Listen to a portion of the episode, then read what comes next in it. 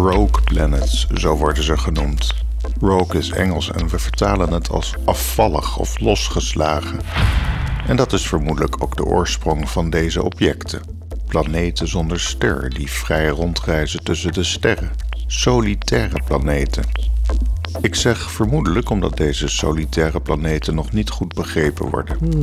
De meest voor de hand liggende verklaring is dat dergelijke planeten ooit wel zijn ontstaan rond een ster, maar dat zwaartekrachtwerking ze uit hun baan rond die ster hebben gewipt, waarna een eenzaam bestaan in de interstellaire ruimte begon. This is a strange condition. Zo gek is dat nog niet, want ook in ons zonnestelsel zien we dat objecten soms migreren door de zwaartekrachtwerking die alle objecten nou eenmaal op elkaar uitoefenen.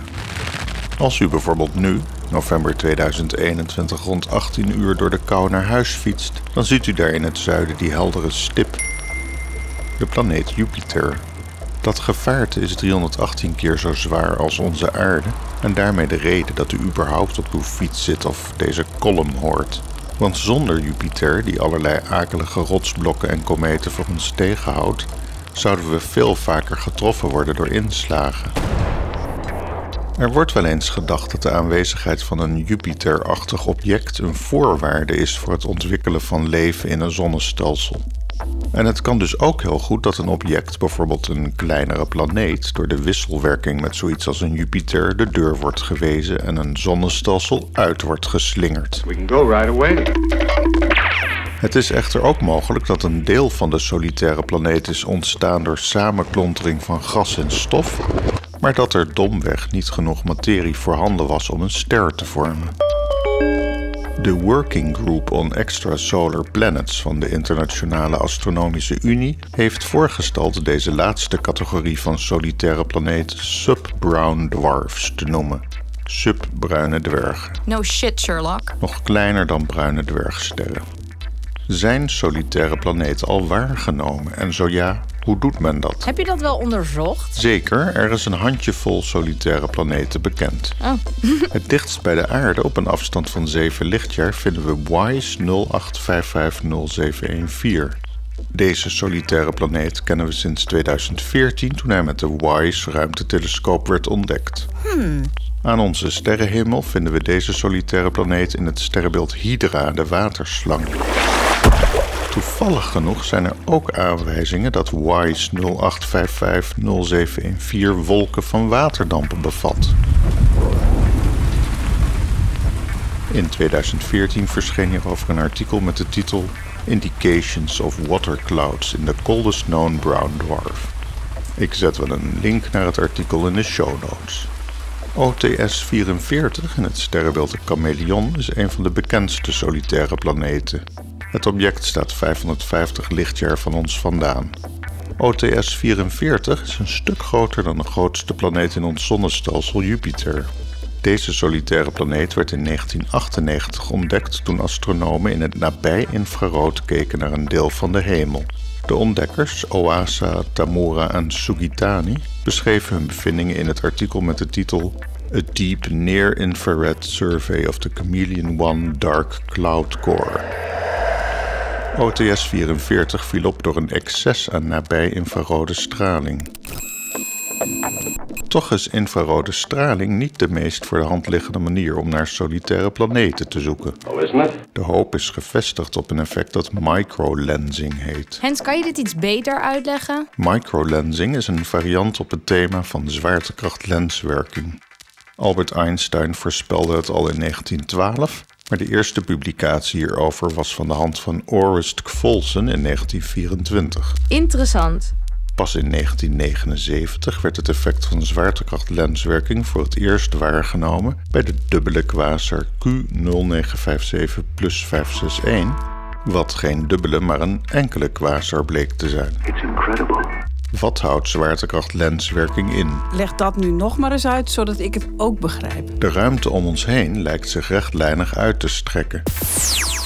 Maar voorwerpen met massa oefenen zwaartekracht uit en als deze maar groot genoeg is, dan buigt de ruimte in de buurt van zo'n object zichtbaar af. Dat betekent dat een lichtstraal die gewoon rechtdoor reist voor een waarnemer lijkt af te buigen in de richting van zo'n zwaar object. Een beetje als lachspiegels in een hal van illusies. Voor de jonge luisteraars, lachspiegels zijn een soort Snapchat-filters, maar dan wanneer je telefoon aan de lader ligt en je ouders je meegesleurd hebben naar een plek onwegdeur. Bij zwarte gaten treedt het effect ook op, maar dan supersterk. Bij de dubbele quasar Q0957 plus 561 ontdekten de astronomen dat deze quasars wel erg op elkaar leken. I say, what is this? Inmiddels staat dan ook vast dat het twee beelden van hetzelfde object zijn en dat de ruimtetijd tussen deze quasar en onze aarde vertekend wordt door een elliptisch melkwegstelsel dat er tussenin staat. Die verbuiging is dusdanig groot dat er een looptijdverschil van 14 maanden ontstaat tussen de twee beelden van die ene quasar. Dat hoort u zo even tussen neus en lippen door, maar laten we even stilstaan bij hoe ongelooflijk de natuur is. Hier is een vertraging van 14 maanden die op natuurlijke wijze ontstaat. Zouden we iets raars waarnemen aan de quasar, dan kunnen we er 14 maanden later nog een keer naar kijken. Dergelijke fenomenen beschrijven zwaartekrachtlenswerking op de macroschaal. Die lens is voor ons op aarde nog miljoenen jaren zichtbaar. Dat kan je je toch niet voorstellen?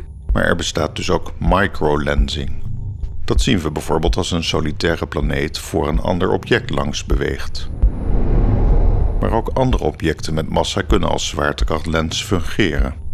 Dit biedt de wetenschap een mooie methode om objecten op te sporen die lichtzwak zijn of helemaal geen straling uitzenden.